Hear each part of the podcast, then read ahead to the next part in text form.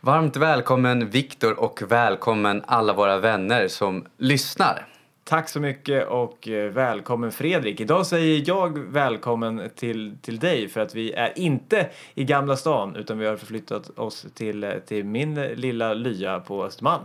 Ja, min gamla bostadsområde. Mitt gamla bostadsområde blir det. Så om bakgrundsljudet är annorlunda, om bilarna låter annorlunda här eller om det är någon, något litet sus någonstans då är det mitt bakgrundsljus. Då vet ni hur jag har det. Jag tror, inte, jag tror du har mer bilar än vi har på, i Gamla stan. Ja, det är inte så många bilar där. För, jo, det, är, ja, det kommer en del bilar. En del. Inte många, men de stannar länge för det är så trångt på gatorna. Det vi ska komma till är i alla fall att i... Förlåt, vi ska inte prata om, om skillnaden Bilar. på stadsdelar här. Nej, men det vi ska prata om i veckans avsnitt är sju misstag du kan undvika i relationer. Ja, det här blir kul. Relationer är verkligen ett favoritämne för mig. Och eh, så länge vi lever så, så gör vi ju förmodligen misstag. Och eh, ska vi se vad vi kan komma på för misstag här. Sju misstag som vi då förmodligen har varit med om för annars skulle vi ju inte kunna komma på och försöka dela med oss av dem. Ja, om vi börjar med första misstaget då. Det första misstaget, och vi, vi gör ju som vi brukar göra, att, att vi, vi kommer ju hitta på de här misstagen, vi kommer ju skapa den här listan ur vår spontanitet, på vår intuition. Så det första som kommer upp, vad kommer upp hos dig? Det första misstaget som vi människor tenderar att göra i relationer. Vad, vad menar vi med relationer? Ska vi, det behöver vi tala om först. Ja, det är ju ett komplicerat ämne. Jag ser som en relation är två människor som kan relatera till varandra. Men ha- har vi, siktar vi in oss lite särskilt på, på Ska vi, ska vi kärleksrelationer säga parrelationer då? Ja, det gör vi Annars jag. blir det väldigt brett. Eller ja. Parrelationer. Och så kan de förstås se ut hur som helst. eh, Hen och han och hon och sådär. Jag skulle säga första misstaget vi gör i relationer är att vi projicerar på andra vad vi tycker att de borde göra. Att vi alltså tycker att den andra borde vara på ett visst sätt. Mm. Det, det är misstag ett. Har du några sådana exempel då? Ett exempel skulle kunna vara att man tycker att den andra borde klä sig på ett visst sätt. Ehm, för att det kanske får en själv att se dålig ut. Och då kan det ju vara att man själv är rädd för att man inte ska se bra ut. Så det kan vara att ens, ens partner då, man ska gå på en fest tillsammans och sen så tänker man så här Shit, eh, vad, ska, vad ska mina släktingar tänka om min partner har den här klänningen på sig? Mm. Eller vad ska mina släktingar tänka om, om min kille kommer i, i den, där, den där slappa klädseln på det här bröllopet? De tror inte att, att, eh, att jag har någon stil. Att man är rädd för hur ens partner ska uppträda. Och då skulle det kunna vara då som ett exempel med klädsel. Och en del av projektionen är ju att man sammankopplar sig. Alltså jag kommer ihåg, jag hade en gammal vän, vi umgås inte längre, men han när han växte upp så var han tvilling. Och folk, alltså, Inte stjärntecknet då, utan nej precis. Han Utan, men då folk tvilling. kallade dem då, bror. vad vill tvillingarna? Just det. Det var som att de hade, alltså, och det blev ju så att de växte ihop i en identitet. Inte vad vill jag eller vad vill han eller vad vill hon liksom, utan vad vill de här? Uh, och då tror jag ju att det handlar ju självklart då om att man kan komma överens om någonting tillsammans. Men jag tror det är viktigt att inte fastna för mycket i identiteten av någon annan. Misstaget jag gjorde själv där var ju förr i tiden att jag tänkte så här, när jag ska träffa min framtida flickvän, nu har jag en flickvän idag, men då hade jag en kravlista på saker som jag önskar att min flickvän eh, uppfyllde. Ironin sen var att jag insåg att den blev både ett skydd från att faktiskt behöva visa mig vara sårbar och våga gå in i en relation. För den personen jag sökte var mig själv. Jag insåg med tiden att den listan av de kvaliteterna som jag önskade var egentligen någonting jag ville förstärka hos mig som jag kunde bidra både till mig själv och i en relation. Mm. Så när vi, när vi försöker göra den andra personen till, till oss själva, det är egentligen det eh, projicering kanske handlar om. För att när, eh, när, när vår partner då inte lever upp till, vi tar exemplet med kläder, när vår, när vår partner inte klär sig på ett sätt som vi önskar eller som känns respektabelt eller vad det nu skulle kunna vara. Då, då försöker vi eh, att den personen ska vara som oss. Jag tycker att människor ska klä sig i kostym och om, om min flickvän inte gör det eller motsvarande kostym, långklänning, så, så är det som att jag identifierar mig med henne och, och skäms över mig själv egentligen. Ja, en annan grej kan ju också vara typ så här, plocka upp strumporna. Eh, jag vet Byron Katie kommer fortfarande ihåg det där att hon var arg på sina barn i flera år över att de plockade inte upp strumporna. Liksom, de tog av sig kläderna och skorna och så sprang de in. Jag tror det var strumporna. Um, och hon var arg på det hur länge som helst för de ställde, liksom, de ställde varken i ordning skorna eller plockade undan efter sig. Men då insåg hon efter många år att barnen hade fortfarande inte, de gjorde fortfarande inte det. Så då blev det istället, då började hon göra det. Och då kom, nu säger jag inte att det måste vara så i andra fall heller, men då kom inspirationen hos, hos barnet. Att de ville göra det också. Men hon insåg att det var ju hon som ville ha rent i, alltså på den här ytan. Barnen sket ju i det. Det har de gjort i alla år. Så hur mycket, hon blev ju upprörd nästan varje dag, för det här var ju en rutin då. Men problemet kunde ju blivit löst genom att hon hade ett krav på att så här ska det se ut, så här vill jag ha det. Ja, det var ju så hon ville ha det. De andra ville ju inte ha det så. Men när hon tog ansvar för det och såg till att plocka undan med lätthet utan att vara arg, då sparade hon sin energi på sin kravlista. Mm, så hon försökte klistra på hennes önskan om att det skulle vara rent och prydligt på sina barn mm. i det här fallet. Så att klistra på sin, sina önskningar eh, om hur man själv vill ha det på sin partner, eh, det är ett, eh, ett misstag som vi säkert alla gör men som vi skulle må bättre av att undvika. Plats ett på listan, att projicera på andra. Oh, sätta sin kravlista på andra. Men det jag vill säga så, det finns ju alltid undantag. Man får ju alltid känna av, det är ju balansen det hela.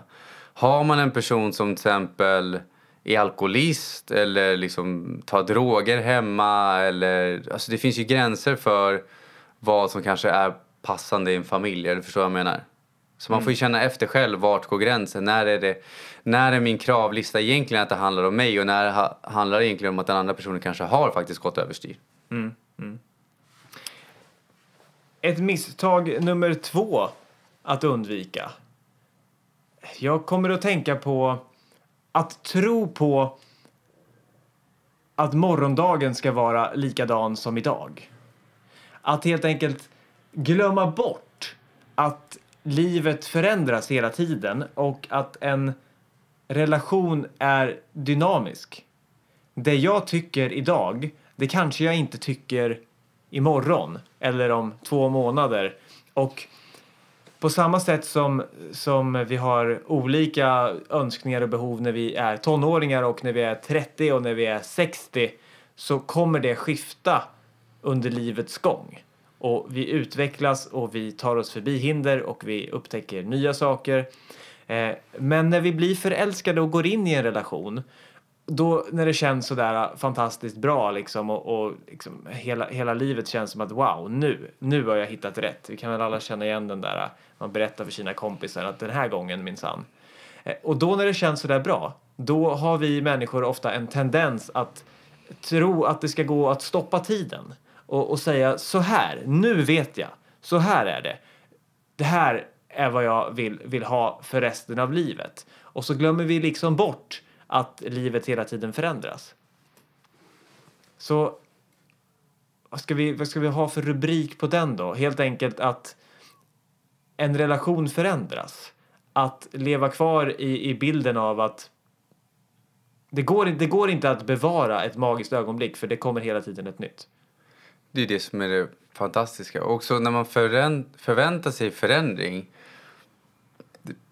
finns ju ett uttryck som är det enda vi kan vara säkra på är att förändring kommer ske. Ja. Um, och att man inte försöker hålla kvar så mycket vid det gamla utan även släpper till för det nya. Försök inte att stoppa tiden. Det, det blir min rubrik på den. Mm. Har, har du varit med om det? Att eh, den här känslan av att det här, det här kommer bli så himla bra men sen några månader senare eller några år senare eller vad det är så, så på något sätt så, så har det inte blivit som man har tänkt sig. Och för att det känns inte på samma sätt som, som det gjorde i början. och att man då tänker att det är fel istället för att tänka att livet förändras. Det vore konstigt om det var likadant som det var när vi sågs i början. Har du några exempel på det där?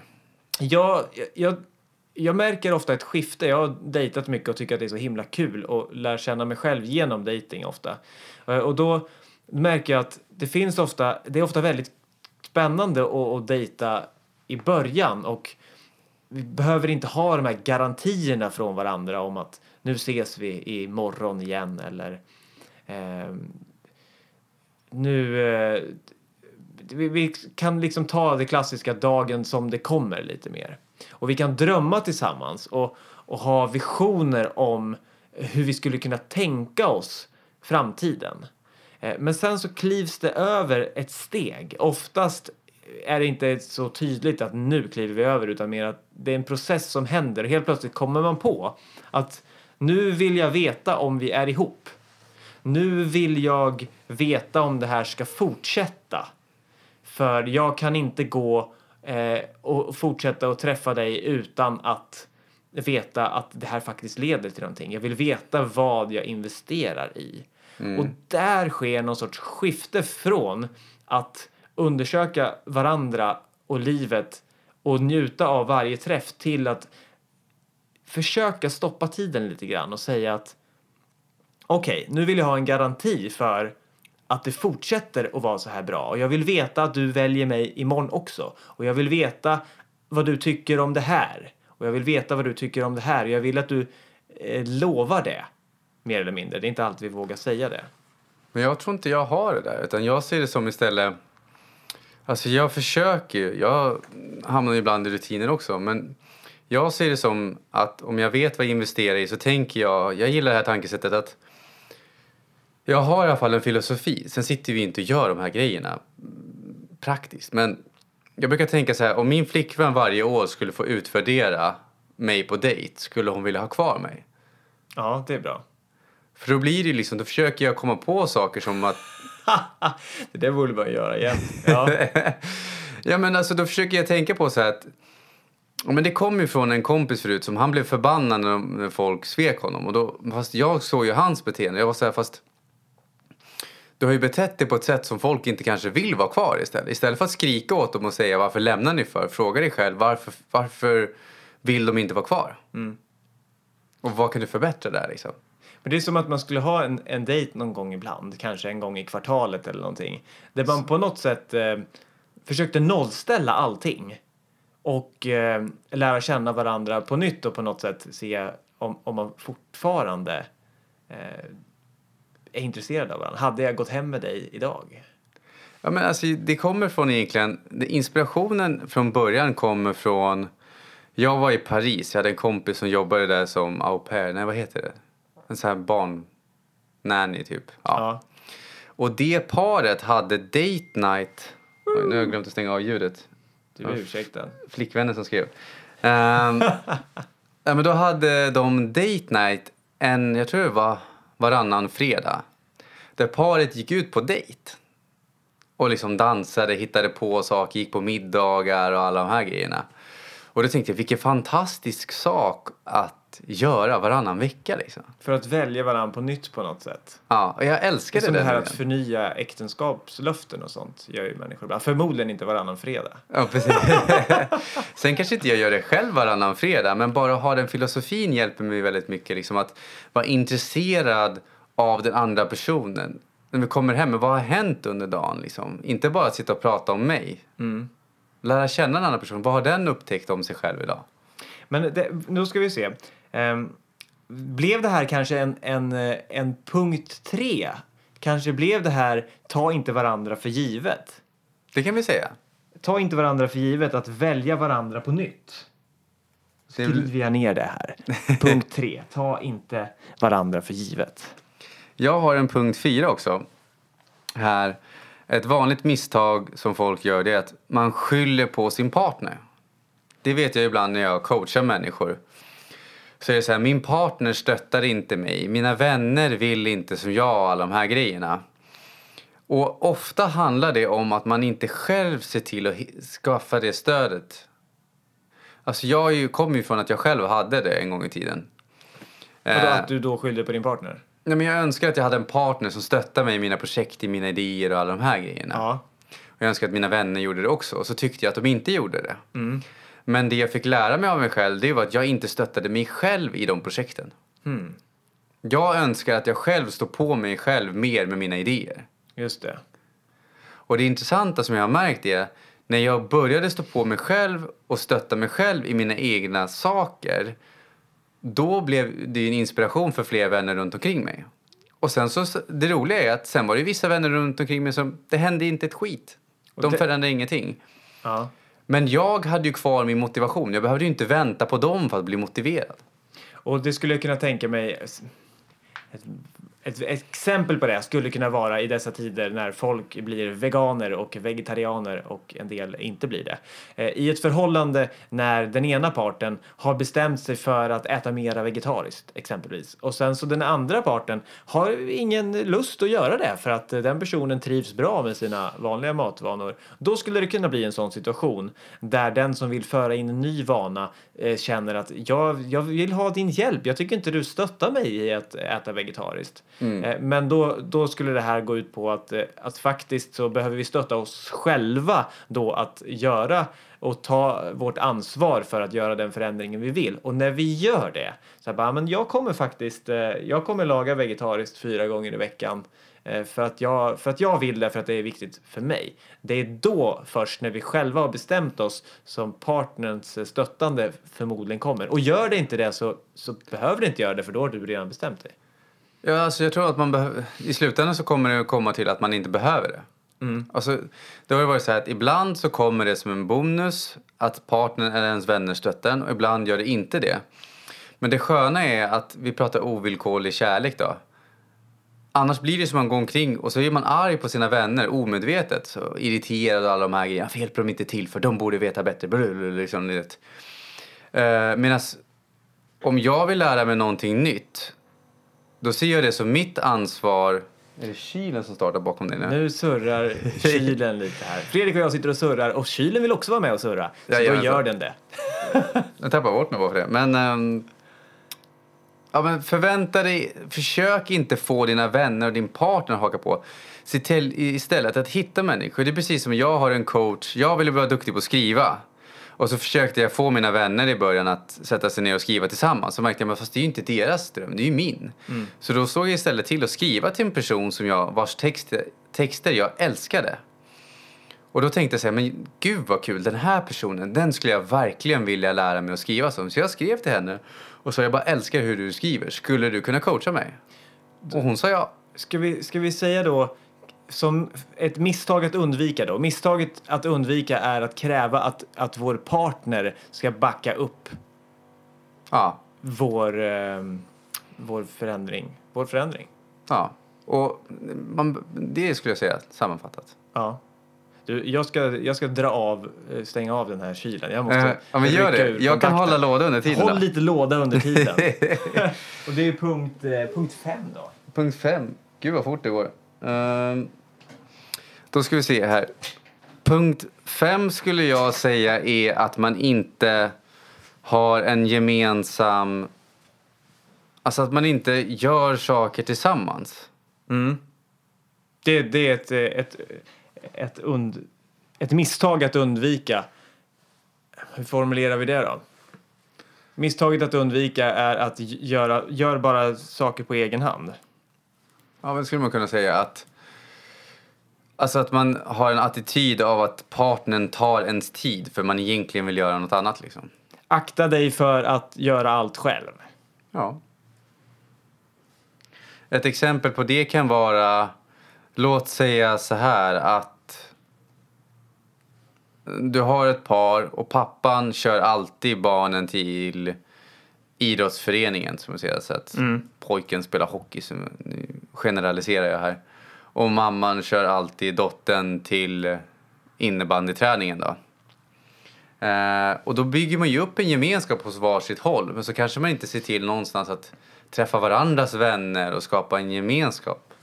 Ja, det där är intressant för att vi, vi lever ju i ett land där vi någonstans hyllar självständighet. Det finns en, eh, en intressant dokumentär som, jag vet inte om den ligger kvar på SVT Play, eh, som, som handlar om att, att Sverige någon gång eh, för det är ingen idé jag säger årtal för då kanske det blir fel. Men för ett antal år sedan när socialdemokratin var väldigt stark och du vet den här tanken och tron på, på folkhemmet.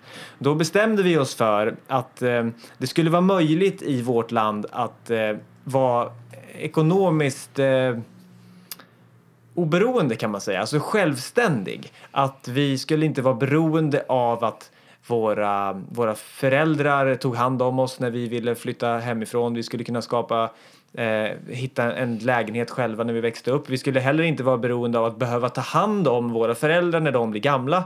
Då ska vi ha ett välfärdssystem som gör att, att de kan komma in på ett hem exempelvis. Och den här självständighetstanken om att alla ska ha rätten att klara sig själva, rätten till arbete, rätten till försörjning och så vidare. Eh, och att vi har skapat ett land som är otroligt eh, individuellt och på ett sätt eh, oberoende. Så att vi har väl det i vår mentalitet, särskilt eh, våran generation när vi är ungefär mellan, ja, mellan eh, i 30-årsåldern lite innan och lite efter. Så vi, det är det enda vi har vuxit upp med det här, att skapa en självständighet på något sätt. Och baksidan av det kan ju vara att vi tar med den tanken in i ett förhållande och det är ju ofta väldigt bra. Så som vi sa här i det tidigare tipset om att faktiskt ta ansvar för sin egen förändring och inte vänta på att någon annan ska ta det stödet. Eh, men våran styrka i, i oberoende kan ju vara att vi bygger ett förhållande eh, där vi egentligen bara lever på varsitt håll under samma tak. Ja, båda kommer hem och träffas och äter tillsammans och det är det enda man gör. Ja, och dina kompisar, ja men du får vara med dem om du vill för det har inte jag lust med för jag tycker det är roligare att göra det här med mina kompisar. Och det kan ju vara sant, ibland. Men om man aldrig gör någonting tillsammans, då är man ju bara varandras eh, lägenhetsdelare. Jag skulle säga att allt handlar ju om balans. Det brukar vi komma fram till i de flesta av våra poddar. Det är precis som att... ja, men alltså, Balanspodden. vi skulle nästan heta Balanspodden. Alltså. ja, men, du kan ju vara självständig men var inte så självständig att du inte ens är med andra människor. Och det är likadant. Det kan ju vara så att vissa människor in, är så mycket och förlitar sig så mycket på andra att de gör ingenting själva heller. Liksom. Alltså, mm. Det är ju att hitta balansen där tillsammans. Liksom. Och, och, och, för att inte det här ska bli en så här Eh, en tråkig punkt som säger följ med din partner på, på det som din partner inte har lust med utan ställ dig istället frågan vad skulle du vilja göra för, för din partner? Vad skulle din partner tycka att det var roligt om du följde med på? Liksom, hur kan jag ge? För det kan vara superkul att, att följa med en vän eller sin mamma eller då, som vi riktar in oss på i det här programmet sin kärlekspartner på någonting som man egentligen inte tycker är kul. Men det är roligt att vara där för att den andra vill det. Det är roligt att ta del av den andras intresse. Det är kul att, eh, att eh, följa med eh, farsan på, på en, en, biltävling eller vad det kan vara. Fast att det egentligen inte är någonting som jag skulle ha åkt på, på själv. Men om jag tänker vad kan jag få ut så kanske det inte är så kul. Men om jag istället tänker på hur skulle det vara att få hänga med på något som någon annan verkligen gillar så att låta den visa upp det liksom och dela det. Då blir det roligare. Jag tänker på boken Hur du vinner vänner och påverkar din omgivning. Alltså det är en av de bästa böckerna jag har läst. Jag har läst den många gånger, jag tappar räkningen till och med. Men där går den framförallt igenom att vara genuint intresserad av andra personer. Mm. Att du kanske inte gillar båtar men om din vän eller personen du träffar, det kan vara även en person du träffar första gången, är passionerad över båtar. Var passionerad över att genuint lära känna den personen och dens intresse. Då blir det kul för dig även om du kanske just i båtar inte är så intresserad. Liksom. Just det, om man är intresserad av människan så blir man ju intresserad av vad den människan vill dela med sig av. Och där finns det också både och. Jag har ju en kompis eh, vars man är, jag tror han har spelat i så här, han spelar i VM i schack till och med. Mm. Och hejar på ett visst fotbollslag. Och hon, vet, när han sitter där och pratar om siffrorna, hon tycker ju det är så... Fotbollsstatistik och, ja, och schack, senaste, och senaste schackrutan liksom, ja, hur du drog draget. Det kan ju hon tycka är otroligt tråkigt. Mm. Så det sätter hon inte sig in i. Men mm. däremot så har de tillsammans sett till att de går och tränar, de tränar dans tillsammans. Mm. Så de, jag tror det är salsa. Så då har de ju dansen gemensamt. Så du behöver ju inte ha varje intresse gemensamt. Men du får ju, eh, det är precis som jag och min flickvän. Vi har inte alla saker gemensamt. Men vi försöker hitta någonting som man har. Liksom. Mm. Ja, om vi ska gå vidare på listan. Det här, det här var punkt fem. Att eh, inte bli en ensamvarg som, som bara gör eh, saker på egen hand. Vad har du som punkt nummer sex då? Punkt nummer sex, så ska vi se vad som eh, dyker upp. Punkt nummer sex är att tro att ett förhållande sköter sig självt. Eh, att vi på våra arbeten eh, har morgonmöten och vi har kickoffer och vi har allt möjligt utvärderingar och vi lägger upp budgetar och eh, vi följer upp det. Och, och vi har hela tiden en, en riktning och en struktur som hjälper oss att nå det resultatet som vi vill. Men många gånger så tänker vi att ett förhållande ska sköta sig självt. Att det liksom är osexigt att, att eh, avsätta en timme varje söndag för att eh, sätta sig ner och strukturera upp kommande veckan eller sätta en intention för vilket eh, värdeord vill vi tillsammans eh, ha som eh, att arbeta mot den här veckan. Det skulle kunna vara ödmjukhet eller det skulle kunna vara nyfikenhet eller det skulle kunna vara tillit. Eh, att, eh, att tro att ett förhållande går av sig självt och att det aldrig behöver underhållas eller repareras eller eh, helt enkelt tas iväg på, på en eh, kick-off ibland för att skjuta in ny energi och investera i. Just den grejen älskar jag. Och jag tror, alltså, vissa människor hånskrattar ju åt den tanken. Ja. Vadå, åka på kick-off med frugan liksom? Vad är det för idioti? Kick-off, det är fotboll. Ja. Det räcker med en gång per år med jobbet eller halvår. Jag vet inte hur ofta folk har det. Ehm, nej, men just det här att många lägger mer tid på att prioritera sin arbetsplats och planera och strukturera än sitt eget liv. Och då, förutom det, det gäller inte bara förhållandet utan man vet ju, alltså tänk dig om du skulle säga på en arbetsplats att jag kommer när jag vill och jag, jag bryr mig inte riktigt om vilka resultat vi får och slutför jag de här projekten eller inte, det spelar inte så stor roll. Och jag vill inte planera. Ah, jag vet, det skulle vara jobbigt kanske på jobbet då. Man skulle få lära sig kanske hantera det också, men till en viss nivå så blir det ju ohanterbart. Men man kanske inte behöver dra det till lika stor nivå i sitt förhållande. Eller jag skulle faktiskt säga att jag Jo, gör. jag- jo, jag, jag kommer det. ändra det mig. Jag tror man ska nästan göra mer. Ja, för, och, och, och det För det är ju ditt ju- eget liv. Ja, och det kommer ju utifrån att eh, om man tänker sig att nej, men man behöver inte göra det lika, lika mycket eller ha lika mycket möten och så, då är det ju som att, som att det ändå finns en tanke om att det skulle vara jobbigt. Men när Jag kom man på, bör- jag ändrade ja, mig. Jag sa det, jag bara, det här är ju viktigare. Det är ju, Och, det, och man gör det ju inte för att, det, för att man måste utan för att man vill. Att för att man kommer på att, att det ger ett resultat och att, att eh, på samma sätt som de flesta företag skulle kollapsa helt utan möten mellan de anställda och helt utan mål och helt utan, helt utan ram. Så det, det liksom förstår vi att, att posten kommer sluta fungera om de aldrig har möten om hur posten ska skötas. Och till slut så får vi inga brev och om inte den som, eh, som ska köra ut posten ringer och sjukanmäler sig och, och så att någon kan ringa in en vikarie, men då kommer det inte ut någon post. Men i våra förhållanden så har vi en tendens att tro att det bara ska funka liksom. men jag Och- tänker ju på så nästa modell av Apple-datorn Ja, kommer ju inte komma så länge inte någon planerar att utveckla den. nej precis. Utvecklingssamtal, det hade man ju i skolan jämt. Och det var ju Det är kanske- obligatoriskt. Det är kanske därifrån man har fått en negativ koppling. Liksom. Att det du ska gå igenom kriterierna och så ska du få betyg på hur du har skött det här i skolan. Liksom. Ja, jag satt oftast och surade och kände mig missförstådd. Skyllde ifrån mig i mina utvecklingssamtal. ja, men det, det, att tro att ett förhållande sköter sig självt, det är ett allvarligt misstag. Och motsvarande allvarlighetsgrad där, desto roligare blir det när vi kommer på vilken glädje vi har att faktiskt bli lite mer medvetna och eh, anstränga oss. Det kommer skapa en vi-känsla också. Det är ju det det gör på jobben också. Ja, en annan sak när man planerar sin tid som jag har fått lära mig är ju... Du vet, ibland så har man kanske människor, jag själv har inte så någon personligen just nu, men jag har haft, som inte gått att boka tider med. Det är så här, ska vi ses i helgen? Ja, vi får se. Vi kan väl höras av lite senare. Och då kan ju resultatet bli att jag får avsätta en hel lördag för jag vet inte när personen kan träffa mig. Och då blir det som deras ovilja att planera. Sen har jag förståelse, det finns ju undantagsfall liksom med grejer som kanske kommer emellan och sånt. Men när det är en vana just det här att ja, men vi, får, vi planerar det då. Då blir det ju att alla andra människor får anpassa sig efter den personen. Vilket gör det jobbigt för då kan det ju vara, jag har ingen aning när vi ska ses på lördag för du säger ju inte det till mig förrän du ringer på lördag morgon och då har bestämt det liksom. Mm, mm. Och då blir det att när man, det blir som att man inte respekterar den andra människans tid. Respektera varandras tid. Ja. Eh, då är vi framme vid, vid den sjunde. Boom! Och då...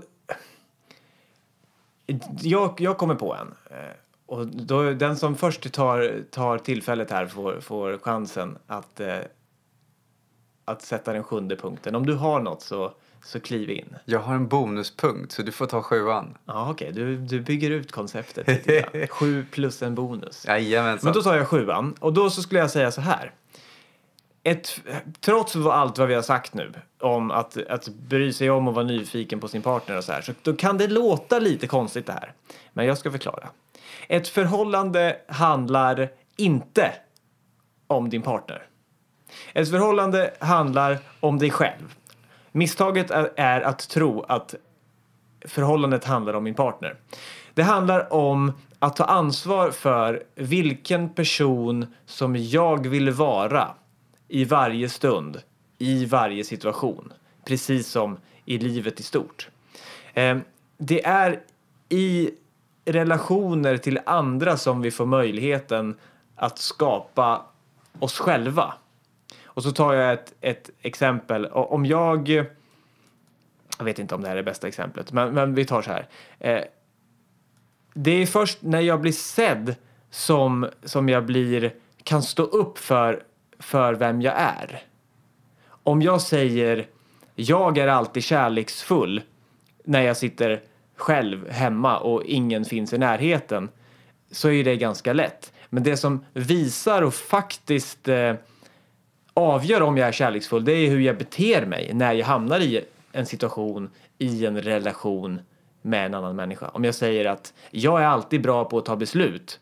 Det är jättelätt att sitta och säga det. Men det är ju när jag hamnar i nästa valsituation som det visar sig om jag faktiskt är beslutsam. Så att förhållandet är på något sätt livets eh, träningsbana där vi får hela tiden en chans att välja på nytt och definiera oss själva genom hur vi agerar och handlar mot andra. Så att det här är inte ett, ett, eh, ett tips, ett uttalande som säger bry dig bara om dig själv. Utan det handlar om ta ansvar för dig själv och fråga dig själv vem vill jag vara i förhållande till den här personen? Vill jag vara någon som alltid hävdar min åsikt viktigare än den andra? Eller vill jag vara inlyssnande och först höra hur den andra känner? Så allting börjar hos oss själva och då kan vi komma på att jag väljer att eh, bry mig om min partner. Jag väljer att följa med min partner på det här mötet, den här aktiviteten som jag själv inte hade valt. Men då har jag ju valt det. Och då har jag valt det för att jag vill välja det, inte för min partners skull. Jag gör det för min skull, för att jag väljer. Så ett förhållande handlar om mig själv. Att tro att det handlar om min partner, det är misstaget. Då lägger jag till bonusen här då. Mm, spännande. Bonusen är att, alltså bonusmisstaget då, det är att man inte studerar relationer. Och en förklaring för det är, om jag, alltså det, många människor har en plan för jobbet och sånt. Det är så här att jag ska bli, eh, inte vet jag, läkare eller jag ska bli entreprenör, jag ska bli alla, någonting då. Och då kan man ju gå flera år i skolan och verkligen dedikera sig till att bli så duktig som möjligt på det området. För att kunna skapa en förutsättning att kunna leva den karriären eller vara egen företagare och sådana saker. Men man, man bara antar att det här med relationer löser sig per automatik. Det vill säga att man läser inga böcker om relationer, man tar sig inte tiden att lära sig mer och utveckla sina kommunikationskunskaper. Eh, så därför skulle jag säga att lösningen på det är ju ett, gärna ha en mentor. Någon, alltså, ta någon som du umgås med, som du ser upp till, som du tänker så här, wow, vilka fantastiska relationer den människan har. Och känner du inte en sån person så kan du, du kan hitta dem på Youtube. Det finns ju många som lär ut det. Eh, jag kan även tipsa om böcker. Eh, en, ena boken är ju Hur du vinner vänner och påverkar din omgivning. Den andra är Kärlekens fem språk med Gary Chapman. Och sen har vi Kvinnor är från... Nej. Män är från Mars och kvinnor är från Venus. Är det inte något sånt? Jo. Ja, men i alla fall. Alltså, misstaget folk gör det är att de antar att saker bara ska funka. De tar sig inte tid att ha mentorer, lärare, eh, ta, lär, alltså, sätta en intention att utveckla sin kunskap i en relation. Att studera, precis som vi studerar om vi ska eh, byta, byta jobb eller välja något annat eller odla, odla, odla någonting hemma. Då tar vi ju reda på hur man gör. Mm. Och sen sätter vi våra frön. Ja, men även om du ska börja jobba på McDonalds så kommer de ha en upplärningsperiod. Liksom. Eh, och vi kanske har fått det från våra föräldrar. Men alla föräldrar kanske inte har levt i en sån relation. Men låt säga att de har skilt sig eller att de bråkar ofta eller ja, gud vet vad, det finns massa olika saker. Men om du känner att dina förebilder som dina föräldrar kanske inte är så du vill leva, då kan du hitta någon annan. Att vända sig utanför den närmsta kretsen om vi behöver det. För alla när de växer upp har ju inte fått lära sig. De har inte fått den här grundgrejen. Liksom. Och även om man har fått det så är det bra att vidareutveckla det. Det var för att inte för att inte bryta vårt löfte om sju punkter så blev det eh, sju punkter plus en bonus. Men jag hade, tänkt, jag hade faktiskt planerat en bonus redan från början. Ja, det är bra. Allt, allt handlar om formen. Det är, skulle, är skrämmande likt åtta punkter, men sju punkter och en bonus Ja, jag har, vi nu, har vi nu kommit fram till. Ja, jag älskar relationer. Jag med. Och det är skitjobbigt med relationer och det är just därför jag tror att jag älskar det. När, när relationer för mig, och då tänker jag på kärleksrelationer, när de har, har gått lite, när, det när allt går som på räls, då kan jag nästan längta efter att det ska bli lite, lite trubbel. För att det är ju ur trubblet som nästa insikt kommer. Måste det verkligen vara Nej, alltså, och jag så får skulle ju, jag säga, jag får ju insikter hela tiden. När jag är i trubbel är bra. Så, ja, men det är väl i och för sig sant. Eh, Men när det väl blir trubbel så, så, så Då får du en annorlunda typ av insikter. Men jag får ju lika mycket insikter när det går när bra. det går bra, det har du rätt i. Det beror ju på om du let... Ja. Vi behöver inte söka trubbel. Nej, för annars blir det så här att... Ja. Men det är ju precis som jag vet att människor säger, ja, när det går bra så kommer det snart gå dåligt. Alltså... Mm. ja. Det är intressant i alla fall. Tack så mycket för att du lyssnade. Och alla de som lyssnar, vi är, dagens avsnitt är sponsrade av Nextory. Jag vet inte, jag tror säkert några av de här böckerna finns, men du finns ju, har ju, du kan ju ta del av böcker i personlig utveckling och jag tror det måste ju finnas inom relationer där också. Eh, Så gå in på Nextory. Går du in även på lyckopodden.se tips så får du lyssna på ljudböcker där gratis i 30 dagar. Inte illa. Jajamensan. Ha det gott. Hej ha hej. det gott. Hej er. Hej hej.